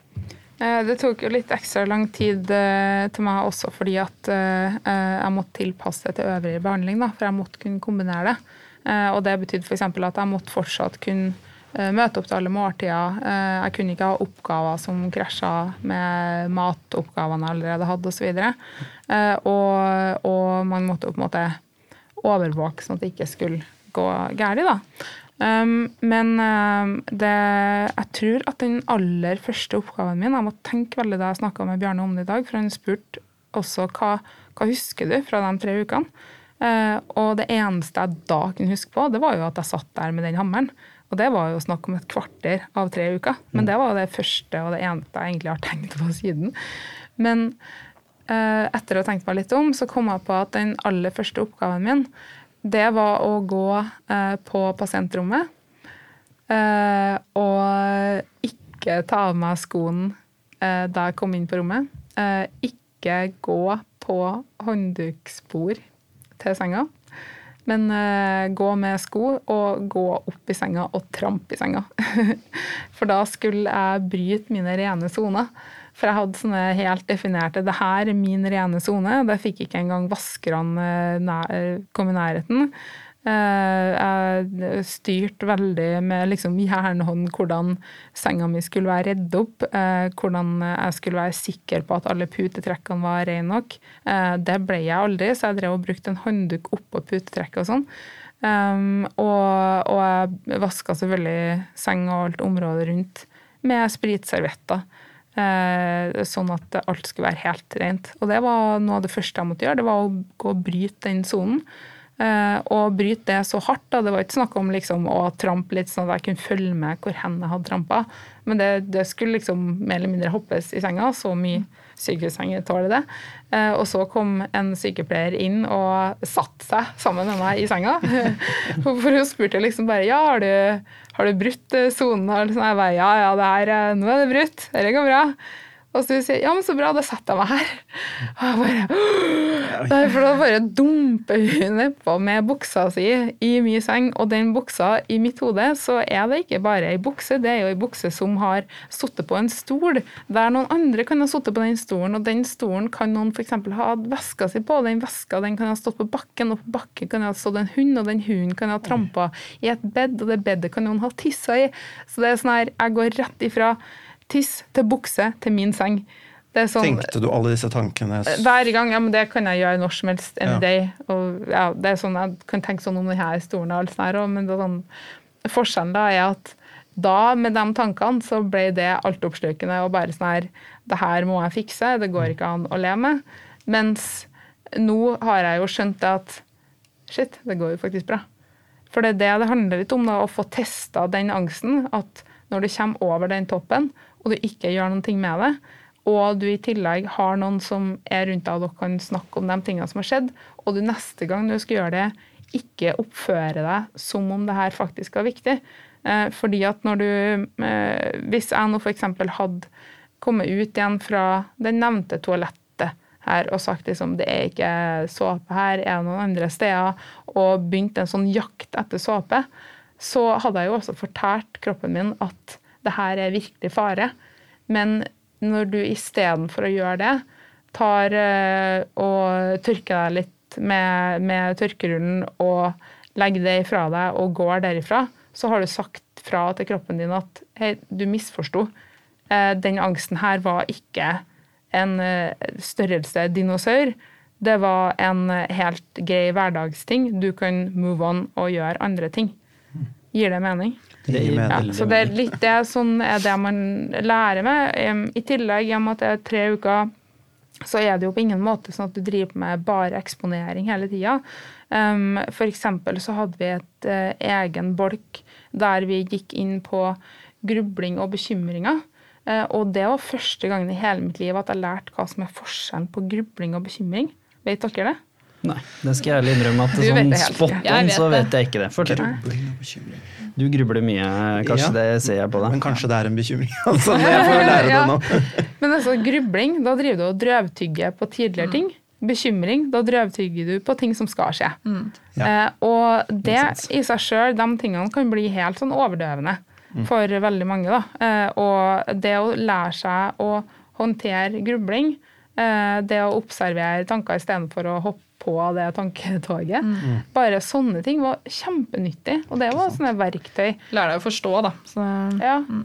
Og det å tenke på hva kan du få gjort noe med, hva kan du ikke få mm. gjort noe med. Hva var et eksempel på det? Hva var forskjellen for hva du kan gjøre noe med, og hva du ikke kan gjøre noe med for deg, f.eks.? Hva som du husker nå? Ja, um, jeg kommer ikke til å gå inn på så veldig detaljer med det, men det var en del ting med fortid og sånn som jeg slet veldig med å gi slipp på. Uh, som jeg da kom fram til at OK, jeg endrer ingenting ved å gå og tenke på det. Det eneste jeg endrer, er at jeg på en måte fortsetter på det dårlige sporet. Uh, og gjør egentlig en uh, tjeneste overfor en del dårlige personer hvis jeg fortsetter å tenke på det. Mm. og hvis jeg gir det mer slipp, så er det egentlig det samme som å gi litt fingeren til dem. Eh, og gå litt videre. da. Du smiler, det var ett eksempel. Du kjenner, ja, var, ja, deg, du kjenner deg igjen, skjønner jeg? Ja, altså Det fortidsgreiene var jo veldig stor del av min, eh, av min eh, OCD, og det det var jo litt det som f.eks. kom opp på det firedagerskurset på meg, da. var jo at For meg så ble det kanskje verre når jeg var ja det ble verre når jeg var i et forhold. fordi da hadde jeg plutselig en annen person å bekymre meg for også. Mm. Uh, så jeg kan vel si det sånn, da, hvis jeg spør deg, Kars, som, som har eh, kjæreste uh, hvis, du, hvis, hvis, din kjæreste hadde spurt deg Nei, unnskyld, ikke spurt. Hvis hun hadde drevet og fortalt deg om hele sin fortid fra A til Å, holdt jeg på å si, hadde du vært interessert i det? Um, det kommer an på hvor i min tidslinje jeg hadde vært. Hadde jeg vært 20 til 25, kanskje? Mm. Kanskje ikke. Nei. Men uh, nå som jeg er 29, veldig interessert. Ja. Tingen er at det er liksom visse ting man ikke, uh, man ikke trenger å dele. Sånn som for eksempel har du, har du flørtet med en person, da, mm, ja. så er det sånne ting en person ja, ja, Så er det sånne ting en person med OCD kan ende opp med å måtte fortelle. Sånn så, så for meg så var det, var det spesielt én eh, ting jeg, jeg, måtte gjøre på det kurset, Uh, som er litt morsomt nå, egentlig. Uh, hun som var min behandler, ba meg om å gå inn på Carlings. Da var jeg i forhold. Skulle sjekke opp en fyr. Oi og be, og be. Hva? Ja, ja. Jeg skulle sjekke opp en fyr, og så skulle jeg, så skulle jeg liksom ta nummeret hans. da. Eh, og så skulle jeg ikke fortelle det til min samboer, så skulle jeg bare gå ut og ikke gjøre noe mer med det. Ah, okay. Men poenget var å ikke fortelle det. Og hun gikk jo selvfølgelig litt til det ekstreme for at jeg skulle kjenne på dårlig samvittighet. Mm. Og jeg hadde det så fælt. For det første hadde jeg jo dårlig samvittighet for at jeg hadde sjekket opp en annen person. Ja. For det andre hadde jeg dårlig samvittighet, fordi da tenkte jeg stakkars han fyren ja. Det var det første jeg tenkte på. Han fikk jo aldri svar. Og det verste var jo at han, han, han bare ja ja, han var jo faktisk giret på det. Og det, det jeg gikk jo hadde vondt av dette her. Uh, dette her er faktisk første gang jeg sier det høyt, så ja. så hvis du hører på nå, det var ikke fordi hun ikke likte deg, det var en del av Ja, det var, det var faktisk det. Og, men poenget var at, at eh, en sånn Altså, Folk som har vært i forhold lenge, og sånne ting, man vet jo at det kan jo oppstå en uskyldig liksom, flørtekommentar på, på byen eller et eller annet sånt nå. For meg så var det så krise at jeg kunne gå rundt og tenke på det i flere uker. For jeg tenkte at ok, nå er jeg en fæl person, jeg er en dårlig kjæreste, jeg er en forferdelig mm. person, bla, bla, bla. bla, bla. Eh, så, så, så, det var jo en ting jeg jobbet veldig mye med på kurset, å ikke fortelle. Og det var ikke bare disse tingene jeg ikke skulle fortelle, det var det at jeg skulle ikke fortelle om de tankene jeg hadde. Sånn som jeg hadde en tendens til å ringe min bror hele tiden og bare ok, nå har jeg den og den tanken. Eh, måtte få det ut, måtte få bekreftelse på at det ikke var så farlig. Eh, og så gikk det kanskje en time, så måtte jeg ringe opp igjen. Så min største utfordring var å ikke fortelle til andre hva jeg egentlig tenkte. Eh, det var liksom min største oppgave, og det var forferdelig, for da satt jeg med det selv. Da fikk ja. jeg ikke bekreftelsen. Nei. Og jeg klarte ikke å stole på at det ikke var så farlig. Jeg klarte ikke å stole på min egen intensjon. Jeg måtte ha en annen person til å forklare meg at dette ikke var så ille. Så, så, så jeg måtte jo lære meg å ikke få bekreftelser i det hele tatt. Og det, en sånn kanskje liten ting for mange ja. var en ekstremt stor ting for meg. Hvordan lærte du deg det å stole på deg selv? For det nevnte du i stad også, mm. helt i starten her. Mm. At du, du, stolte ikke på din egen evne til å fortelle hva som var farlig og hva som ikke var farlig. Mm. Det kjenner kanskje du deg igjen på også, Ingeborg. Men hvordan klarte du å lære det her? For det virker jo som det har endra seg. Ja, ja, altså, er, når jeg snakker om det nå, så, så, så, kjenner jeg ikke helt meg selv igjen. Og det er det som er litt uh, gøy å tenke på nå, da. Uh, men det var jo først og fremst å ikke spørre om bekreftelse, som var å leve med den angsten selv og sitte i det helt alene. Um, og når jeg sluttet å få det, så hadde jeg ikke noe annet valg enn å stole på meg selv. Fordi de rundt fikk jo, altså Jeg måtte jo gi streng beskjed til alle de rundt at ikke gi meg bekreftelse. Og det var heldigvis de rundt meg veldig flinke på. Selvfølgelig Noen venninner visste jo ikke hva de skulle gjøre, så de ga meg jo bare bekreftelse i ny og ne. Og jeg visste akkurat hvem det var, så jeg gikk til de. Ok, men, Så du ble smart? Her. Jeg ble smart oppi der, men jeg skjønte jo at det her hjalp jo ikke. Så, så for meg så var det jo egentlig bare å men så, så, var det også litt den å ufarliggjøre det litt. Og bare tenke at ja ja, ok, er jeg en dårlig person, så er jeg en dårlig person. Det, mm. det går greit, liksom. Det er eh, mange her ute som er dårligere enn meg. Uh, og bare liksom si litt til meg selv med humor at ok, nå, nå, er, du, nå er, du, teit. Eller, altså, jeg vet ikke, jeg, må, jeg, måtte humorisere hele greia for meg selv. Og så måtte jeg klare å, å, ikke få bekreftelse fra andre. Og til slutt så tror jeg det bare fadet litt og litt mer ut. Eh, men det var den bekreftelsesbiten som var ekstrem for meg å komme over. Altså det, det, var jo så pinlig til tider at jeg endte jo opp med å slette meldingsloggene som jeg hadde sendt til venninner med lange stiler om det her og det og det. Det driver jeg og tenker på nå. Um, og, og måtte få bekreftelse fra de på at dette var ikke noe farlig. Og så gikk det at jeg følte meg som en byrde etterpå igjen. Så det ble en sånn ond sirkel hele tiden. Uh, og følte at hvis de da f.eks. ikke inviterte meg til et eller annet, så tenker jeg at det er pga. OCD-en. Det er fordi at jeg er slitsom. Mm. Uh, så da ja, det blir en sånn ond sirkel, hele greia, egentlig. Men det var så mye fortidsgreier sånn som du nevnte, som, som, var problemet for meg også. At det kom opp hele tiden. Uh, og at det ble en tanke jeg begynte å spinne på, som jeg måtte liksom trykke ned igjen. Um, så ja. jeg kan se for meg at i, i ungdomstiden mm. så må det ha vært helt forferdelig. Mm.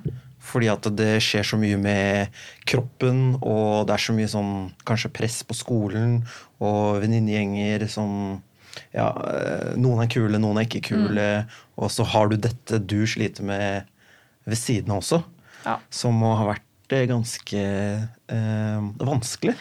Ja, og så var jo min utfordring det å ikke være perfekt òg, da. At jeg, eller det at jeg var redd for å ikke være perfekt. Altså, jeg skulle på en måte være best i eh, Altså best eh, Ikke sport, men jeg skulle være supersprek. Jeg skulle være fit, jeg skulle se best mulig ut. Um, og jeg skulle være flink på, på, det ene og det andre. Nå kom jo det skolepresset kom vel mer for meg på videregående, uh, og spesielt etter det. Um, og jeg skulle jobbe mye. Jeg, jeg, jeg, skulle liksom være bra på alle mulige områder. Og så hvis jeg for eksempel, sånn som jeg hadde en liten sånn rebelsk fase fra rundt sånn 14-15-årsalderen. Og den har jeg slitt veldig mye med, for da var ikke jeg perfekt. Og da, da det ble så ille at jeg liksom fortrengte hele greia. Uh, og med en gang det kom opp, så fikk jeg kjempe-OCD på det og måtte snakke om det og snakke om det og snakke om det. Uh, for en periode som som egentlig bare jeg ser på nå som morsomt, men der og da var det ikke det. fordi da, da hadde ikke jeg vært den perfekte utgaven som jeg hadde sett for meg. Jeg, ja, jeg, men eh, sånn som meg, da, mm. som har levd et veldig Nå snakker jeg om på barne- og ungdomsskolen, mm. til og med nå, med veldig sånn bekymringsfritt liv. Eh, og jeg har tenkt at eh, ja, de fleste er vel som meg, da.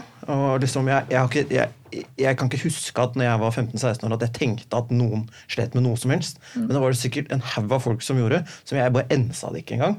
Um, er det noe skolen kan gjøre for å liksom uh, si til elever i klasserom mm. at noe vi kan lære om OCD eller andre forskjellige ting da, som folk uh, sliter med psykisk, som gjør at det kan være lettere for Livsmestring er jo på vei inn i skolen. Hvordan ja, tenker dere at det skal introduseres uh, her, da? Når det til og med Dere har jo begge nevnt at dette kan jo være med å føre til andre ting. Både depresjon, mm. spiseforstyrrelse og, det er jo sikkert, og angst, selvfølgelig. Og sikkert en andre ting dette kan være med å lede til også. Jeg tror man skal vokte seg veldig hardt for å begynne å ha ja, opplæring i psykiatriske mm. diagnoser i ungdomsskolen. Liksom. Ja, det, um, det man må starte med, er å ha kompetente folk som kan møte ungdommene. Man må ha mm. helsesøstre som er tilgjengelig. Eh, det hjelper ikke å ha en helsesøster innom i tre kvarter en gang i uka når du bruker tre kvarter på å klare å si at du ikke har det bra. Det må være et sted ungdommene kan gå og oppsøke hjelp og bli stilt de riktige spørsmålene. Det krever kompetanse, og det mm. krever tid, og det krever masse, masse ressurser. Men jeg tror at det vil betale seg enormt tilbake. Eh, altså Det har blitt regna på hvor mye vi tjener på at én ungdom ikke faller ut fra skolen. Mm. Eh, og det er snakk om så mange tusen at det er nesten til å gåsehud av. Liksom. Bare at én ikke faller fra på videregående. Og hvis den ene personen ikke faller fra fordi at noen så at du sleit med OCD eller med en annen og fikk riktig hjelp for det, så vil jo det her eh, tjene seg opp. da. Men det, det krever tiltak fra politisk hold, da, for det er eh, at vi har så, såpass få helsesøstre som vi har, ja. det, det, er noe som må ta tak i fra høyeste hold. Fra så. mange grunner. Altså ikke bare dette, det gjelder jo alle mulige ting. Det er ja, man skal, man, man skal i hvert fall ikke fraskrive seg på den måten at bare sånn ja, men nå vet alle elever hva OCD er. Altså, det, det at vi har Dr. Google som senest i går ga meg hjernekreft. Oi. Fordi at jeg, jeg, tenkte jeg har skikkelig vondt i den ene sida av hodet mitt. Jeg, og den andre dagen så hadde jeg litt sånn vondt der. Og så har jeg vært litt slapp. Google, google, google. Kreft. Ja. Det er sånn, vi, vi trenger ikke å drive og diag ja, og, man- ja, ja, og man Altså- skal ikke drive og diagnostisere verken seg sjøl eller andre. Mm. Og man skal, man skal ikke tenke at en dårlig periode er det samme som en dårlig hjerne. Man er nødt til å ha kompetente folk som man faktisk kan prate med. Da. Og heller at vi senker terskelen for eh, når du kan ta kontakt. Eh, At det er god tilgjengelighet, men ikke minst at man gjør et eh, større arbeid mot skam da, rundt de her tingene. Fordi at nettopp det at det var så viktig å være eh, eh, sterk, eller i ditt tilfelle perfekt. Eh, for meg så var det viktig at ingen skulle tro at jeg hadde noen sånne liksom, svakheter, eller at det var noe feil med Ja, meg. var jeg og, det, ja, og det gjorde at jeg ikke på død og liv skulle fortelle til noen at jeg ikke hadde det bra. Det her skulle jeg fikse sjøl. Det hadde ikke hjulpet om det var en sykepleier der, på en måte. Fordi du hadde jo ikke spurt allikevel om hjelpen. Så Tror hvordan overkommer man For det er noe vi Mm. virkelig brenner for, det er derfor vi driver med Hverdagssyken. Og The Human Aspect er jo rollemodeller, men fra et perspektiv hvor folk har et svar på ja, men Mm. hva nå? Fordi vi intervjuer jo og engasjerer jo kun folk som enten lever godt med det, eller som har kommet seg ut av det. Som er ganske, det er liksom Det som, hovedregelen vår. Hvor, hvor viktig tror dere det er med rollemodeller?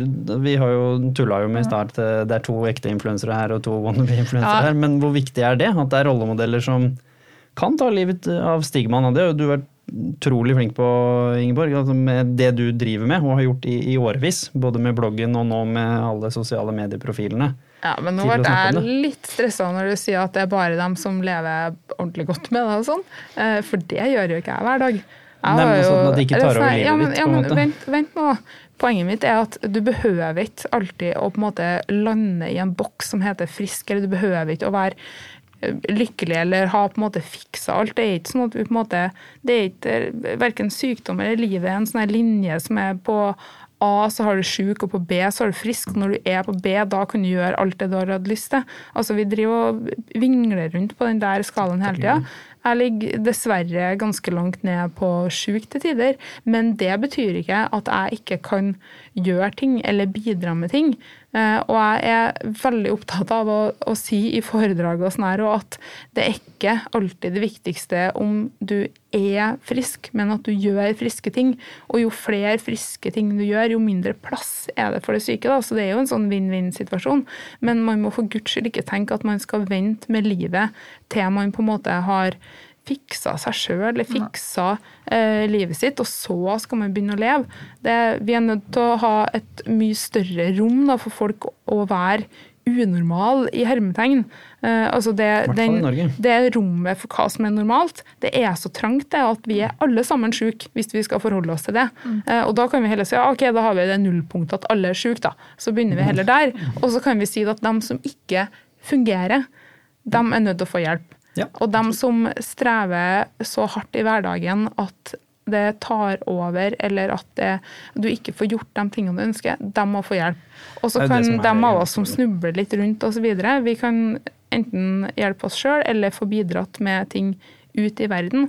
Men vi må i hvert fall ikke ha sånn at du er ikke en rollemodell før du på en måte har kommet deg gjennom et eller annet. Det er jo ikke sånn, altså, det er ikke sånn at vi, man møter veggen, og så er det andre sida. Det er noe som Se og Hør driver med. Mhm. Det, viktige, det, det virkelige livet er ganske mye mer avansert enn det, Det var ikke det vi mener heller. Altså, vi har jo intervjuet folk Nei som da, har men sine. nå må jeg få lov til å svare med en eh, liten stråmann her, for å få fram Du kommer jo ikke over at du, du mister barnet ditt, liksom. Men det er det med å leve, leve med det, og ha noe svar.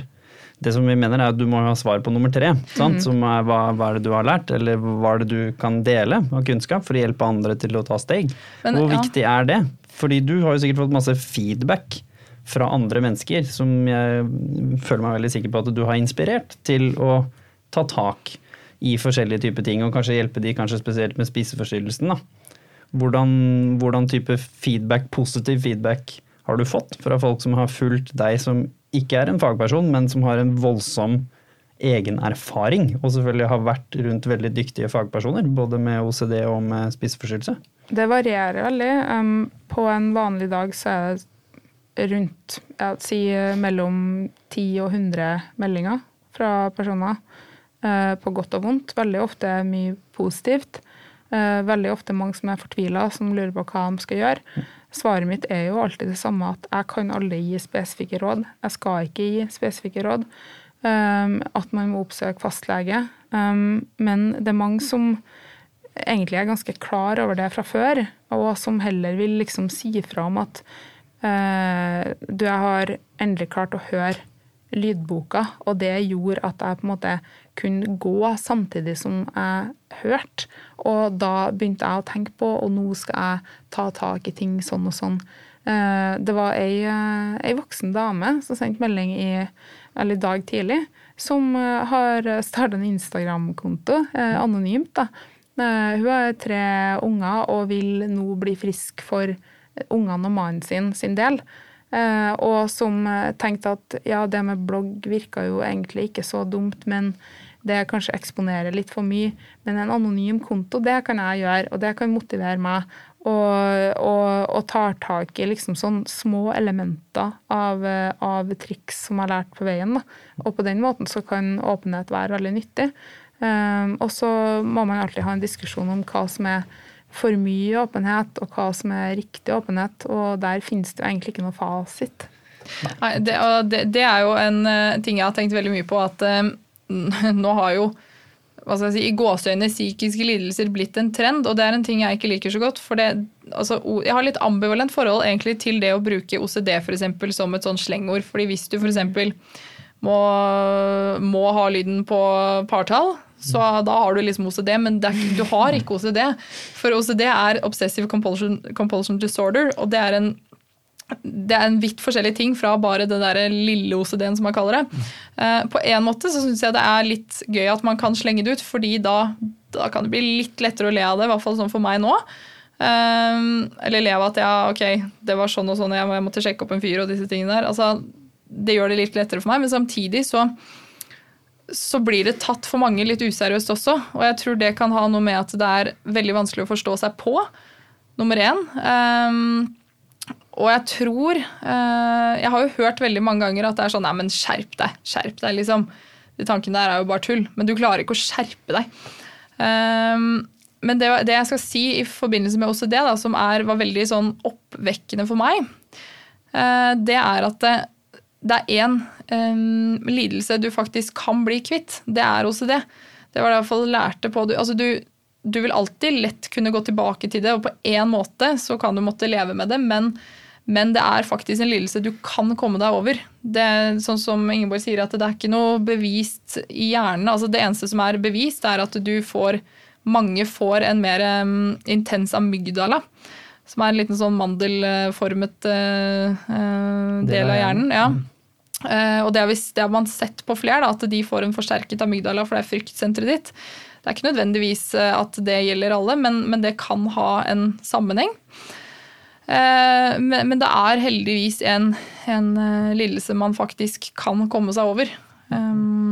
Jeg kjenner jo selv at jeg må, jeg må, jo leve med det. Altså, jeg har jo ikke blitt 100 kvitt, det kommer jo tilbake. Men jeg vet hvordan jeg skal takle det.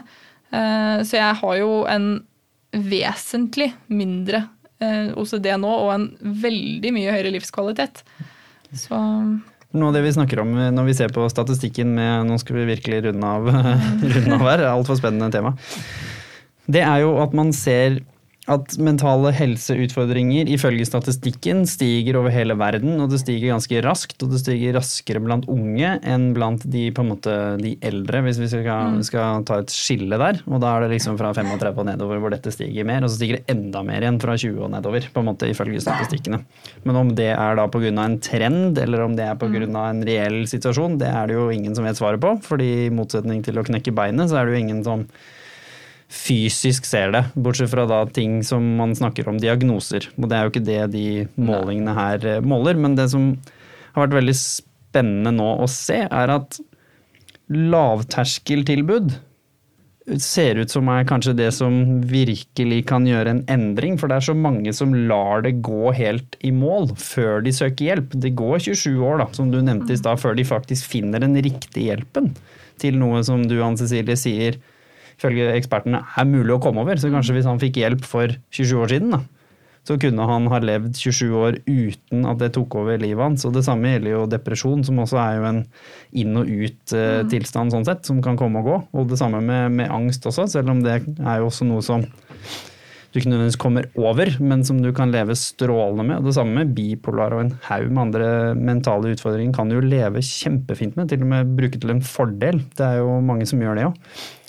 Men det kommer jo ofte fordi du kan høre noe sånn som det her, da, sånn som den flotte reaksjonen til Kars, Kars i stad, hvor, hvor han sa at jeg har faktisk aldri hørt noen snakke så åpent om hva OCD egentlig gjør i hverdagen.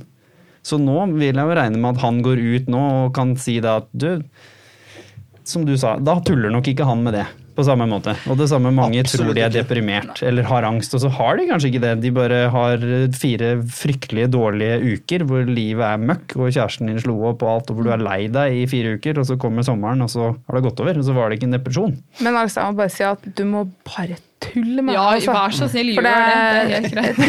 Ikke slutt å tulle jo, mer, jo mer du vet, jo bedre blir tullinga. Det, er det, som er, det, det, som, det, var jo det, som, det var det som skjedde med NRK når det gikk skikkelig skeis med den satiriksvitsen om, eh, om eh, i hermetegn jødesvin.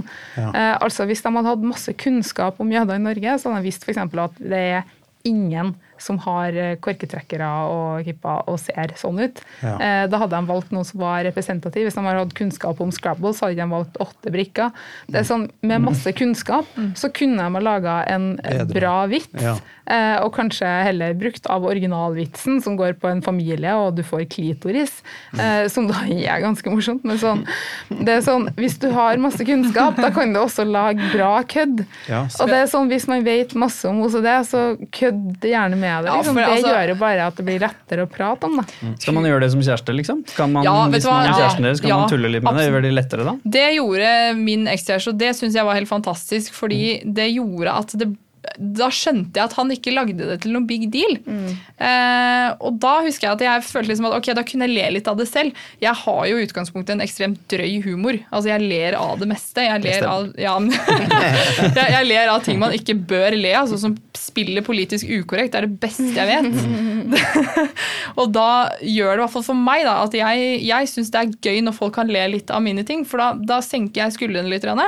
Så hvis du hadde sittet og liksom holdt meg på skuldra og tatt alt blodseriøst, så tror jeg bare hadde tenkt nei, skjerp deg. Ja, ikke sant? Så skal man le, og så skal man man. si kan du ikke skru av og på ommen i Spania Ja, isteden? men, på en men måte, bare så altså, vi heller, dit. heller, heller dra det til litt humor. Nå skal jo ikke jeg si at dette passer for alle, men jeg tror i hvert fall veldig mange føler seg litt mindre syk da, ved at dette kan faktisk eh, kan skapes litt humor rundt. Altså, alt trenger ikke å være blodseriøst. Og så får jeg ta det litt for, for å bli blodseriøs. Ja. så, så har det så mye å si at bare at man, at man leser situasjonen litt. Da. Det er ikke sånn at på en måte, bare kødding er det viktigste, Ja, ja. eller bare seriøst. Men sånn, eh, hvis man klarer å stille det viktigste spørsmålet i verden til en person, som er hvordan kan jeg være der for deg på en måte som ikke gjør det verre? Så kan man komme ganske langt derfra. da. At man kan bare tenke litt høyt sammen. Hva, er det, hva kan jeg gjøre som gjør dagen din litt bedre? For du skal ikke være behandler for kjæresten din, og du skal ikke Nei, det være behandler for vennen din, for den saks skyld. Men du skal heller ikke gjøre det på en måte verre. da. Kanskje for noen er det litt viktig at de ikke får alt til- tilrettelagt. Eller Mm. sånn som Anne Cecilie, som ikke skulle få bekreftelse. Noen gang så, så trenger man litt sånn lagspillere da, for, å få seg, for å få Mm. det det, bedre. viktig. Men det viktigste er at det må profesjonelle inn for å håndtere liksom det vanskeligste, og så kan man ta det litt derfra. Men eh, kanskje litt sånn interessert i du som ikke, ikke vet så mye om dette fra før av. Hva er dine liksom, refleksjoner rundt OCD nå? Nå, etter Ja, samtalen etter. Hva er sammendraget? Eh, ja. Nei, det er jo at uh, You're fucking crazy. Ja. Nei, um, kanskje um, eh, lese meg litt opp på hva faktisk eh, forskjellige psykiske lidelser er. Jeg vet eh, Jeg har kanskje sett en dokumentar her og der, men eh, vi, før man som du sa, da, får kunnskap om noe, så kan man ikke Da kan vitsen bli mye bedre. Eh, og, og, at jeg, og jeg vet at jeg, jeg skal ikke si at jeg har OCD. Fordi jeg har det ikke, hvis du skjønner hva jeg mener. Mm. eh, mange, jeg hører veldig mange folk si at jeg har OCD, fordi at det der med volum Man må ha partall eller oddetall eller noe. Bare sånn Jeg skal si nei, det har du ikke. Det har jeg ikke sagt før. ikke sant? Eh, Jeg har vært i flere sosiale settinger hvor folk sier ah, han har OCD på det og det og det, og det, og jeg bare ha-ha-ha og syns at dette er Det brukes som et adjektiv, Ja, det liksom. Ja, ja, ja, det brukes får litt lyst Det- det bare, Diagnosen min er ikke et adjektiv. Ja, men, ja, men akkurat. Og nå, etter den samtalen her, eh, hvor jeg har fått høre hvor langt det kan gå, da, og sånne ting, så du har ikke OCD, er det jeg kommer til å si for det meste. For at det, ja, men jeg hører kanskje hver tredje måned, da, så hører jeg en eller annen som sier at jeg har OCD. Så skal jeg spørre hva er greia di? Så sier de nei, jeg må spise to og to Skittles. Eller rød og rød Skittles, liksom. Hver, dag, hver gang jeg spiser Skittles. Det er ikke å ha OCD.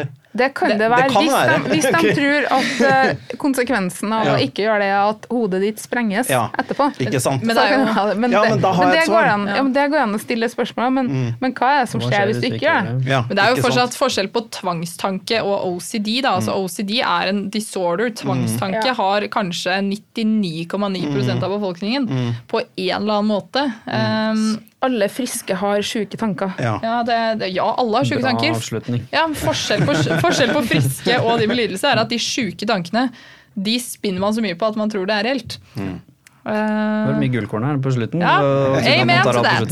Ja. Nå skal vi avslutte med Hvis dere skal avslutte med å gi en form for et lite tips, eller noe som enten til en som eh, er kjæresten, eller som, som har det selv, i form av eh, OCD, hva er liksom det viktigste dere tenker de kunne tatt med seg fra, fra denne podkasten her, da? Fra dere? Eh, mitt eh, beste råd er egentlig å lese seg litt opp på det først, eller få en forståelse. Først vite hva det er for noe. Eh, og så, som Ingeborg har vært inne på, du skal, du skal ikke være en behandler. Det er veldig viktig, fordi du aner ikke hva som er rett for den personen.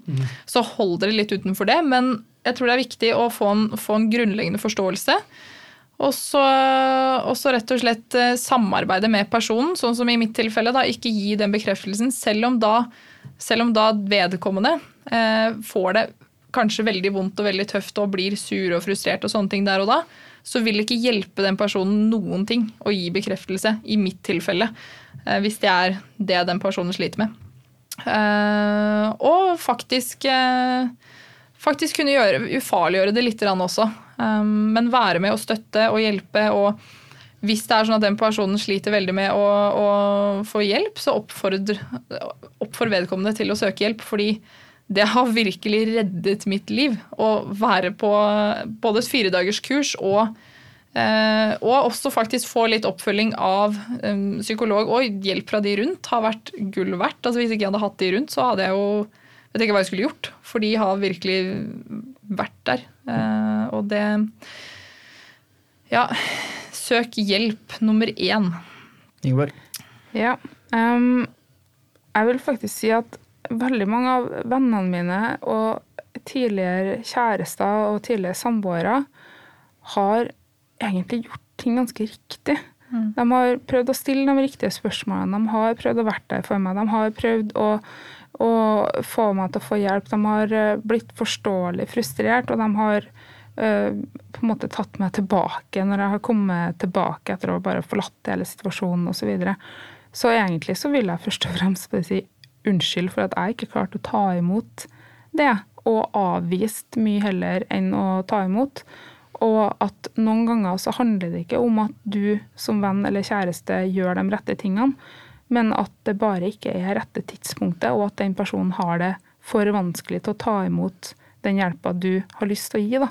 Og at du ikke er en dårlig pårørende fordi om den andre personen ikke klarer å ta imot din hjelp. Du har i hvert fall prøvd, og noen ganger så kanskje trenger også pårørende å minnes på at eh, de må på en måte tilgi både diagnosen og den andre personen og seg sjøl for at det ikke går som de har hoppet, og som de virkelig, virkelig har prøvd på. Da. Så unnskyld til alle jeg har avvist, og jeg jobber med saken. Kars, sånn fra sidehofta, hva, hva sitter du igjen med? Det trenger ikke nødvendigvis være noe råd, men hva sitter du igjen med som du tror kan være nyttig for de andre som hører på, som egentlig ikke visste så mye om dette før de hørte på i dag? Um, jeg sitter igjen med at uh, man skal uh, lytte til uh, mennesker som har visse Jeg vet ikke, er det et problem? Visse utfordringer. utfordringer. Det er jo et problem òg, ja. det kan jeg jo Litt kan bli et problem, i hvert fall. Man kommer langt med å bare høre på mennesker før man snakker selv, og man vet ikke alt. Og man kan i hvert fall ikke vite noe som ikke skjer med deg, men som skjer med personen til høyre for deg. Fordi det er jo en personlig opplevelse. Så lytt, tenk, les, og så uttal deg, kanskje. Det er absolutt, og det var noe av det viktigste som bestemor husker jeg lærte meg også, på en veldig fascinerende måte. Og det er at alle mennesker ser verden forskjellig. Mm. Så hvis du opplever at noen gjør noe som for deg virker snodig eller rart, eller noe du ikke forstår, så gi den personen the benefit of the doubt, og heller være nysgjerrig. Fordi da er det Absolutt. Det er noe du ikke har forstått. For Hvis dette ikke gir mening for deg, og du kjenner personen som en snill, god person, eller en person som kanskje ikke ville gjort ting som du syns er snodig, så er det et eller annet her du ikke forstår og ikke vet. Og da eneste måten å finne ut av det på, er jo faktisk å spørre. Og legge da og, og ta tid til å spørre. Mm. Det er alltid hyggelig å avslutte med på denne podkasten her, fordi vi er jo ikke akkurat kjent for å ta så mye tid til mennesker lenger. Mm. Når vi lever i Instagram og jobb og stress og opp og ned og fire jobber og studie og sånn som mm. alle vi rundt bordet her er, står virkelig på. Men det der å faktisk ta seg tid til de menneskene rundt seg, om det er kjæresten, bestevenninna eller en tilfeldig mm. person som tar kontakt med deg, det tror jeg kan være helt uh, uvurderlig for veldig mange. Hva er det siste gullkorn. Og det, ja. Trommevirvel. Nei, men uh, ikke, ikke, gi opp, altså. Sånn virkelig. Er det noe som redda meg, så var det ikke gi opp. Altså, jeg kjørte fortsatt på med jobb, fortsatt på med trening, alle mine ting. Ikke gi opp, og ikke legg deg ned og, og tenk, fordi det gjør det verre. Fortsett livet og, og jobb med det du skal, men fortsett um, Fortsett livet, liksom Ingeborg sa. Ikke, ikke, altså, gjør friske ting selv om du kanskje er syk. Det var det viktigste jeg tok med meg, følte jeg, fra intervjuet til Ingeborg. Det var det jeg virkelig mm. huska. Hvor hun mm. sa, hvor jeg husker jeg fortalte det til sånn fire kollegaer etterpå. Liksom sånn, det er noe lureste jeg har hørt på på lenge. Det der med å faktisk fokusere på å gjøre friske ting. Det, det handler ikke om å være frisk eller Nei. syk. Det handler om at gjør du, altså, jo mer friske ting du gjør, jo mer friske tanker du har, som du sa, jo mindre plass blir det jo da til det som kanskje er syk. Da. Mm. Og husk at diagnoser er et sett med kriterier i en bok som også er kritisert av forfatteren av boka sjøl, som mener at det har blitt for mange av dem. Husk på det at en diagnose er ikke deg. Det er et sett med kriterier som krysses av på. Og du kan eh, bevege deg veldig mye ut og inn av den boksen og uten å sitte fast. Oi, Men, boksen eh, liker vi ikke. Da avslutter vi. En ja. siste ting. Jeg syns at du og jeg skal takke jentene som har vært her og delt eh, eh, Som har delt personlige ting med oss som sitter her live med dem, og til og alle. Fordi det, ja, og lært masse og liksom eh, Det er tøft da, å snakke om sine indre tanker og ting som har skjedd og sånne ting. Og jeg har sikkert helt mange sjuke ting som jeg også Vi alle kanskje, er syke. Ja, men som jeg ikke deler og kommer på podkast og mm. snakker om. Så det er, det er eh, bra Stor creds ja, stor creds til gjestene våre som alltid. Å, bekreftelse! det var det jeg hadde tenkt å si. Det ja, det var det. Outroen, outro. Det Nei, altså, jo, det er deilig. Fortsett å gi meg komplimenter, folkens. ja. Tusen takk for at dere er både åpne og tør å by på dere selv, og både deler veier ut og veier inn, og, og kjæresteopplevelser og sjekkeopplevelser. Han sliter fortsatt, han fyren på Carlings. Ja, han gjør det. Tusen hjertelig takk til Livslyst og Motivasjonssenteret, som låner dette flotte studioet til oss gratis som alltid. Og selvfølgelig, sjekk ut intervjuene til disse flotte menneskene, som også vil komme noen samtidig som episoden, og noen rett etter episoden. Dere får selvfølgelig med dere det på både Hverdagssyken og The Human Aspect. Og hvor skal de følge med på deg, Ingeborg? Eh, de kan følge med på Ingeborg Senneset på Instagram. Eh, og så har også Anti, som er managementet mitt, en egen Instagram, så det går an å se der hvem andre som også kan prate om ting. Fantastisk. Og så du som er ja, wannabe-influencer, altså, hvor skal de følge med deg? Jeg har jo hele hva er det, 500 og noen følgere. så, nei, vet du hva, følg meg på Instagram. Ann Cecilie L. Og han som faktisk er influenser på andre flanken der, hvor skal vi finne deg? Um, det er så mangt, men jeg anbefaler dere å se Hotell Karsking, som kommer på NRK til høsten. Jeg skal Der se på det. Jeg lover. Og jeg er selvfølgelig Jimmy Westreim, og The Human Aspect og Hverdagssyken er tilgjengelig også i alle sosiale Ja, følg, følg med på The human aspect også, det er veldig viktig. Følg med på alt. Med på alt. Dere har jo selvfølgelig masse tid. Og så ser jeg The Aviator, da. Men Ja, ikke, med, ikke med flybriller, Nei. eh, men Med OCD-briller. OCD-briller. Kjempeinteressant. Ja, og for å se på Leo, da, for så vidt. Men det er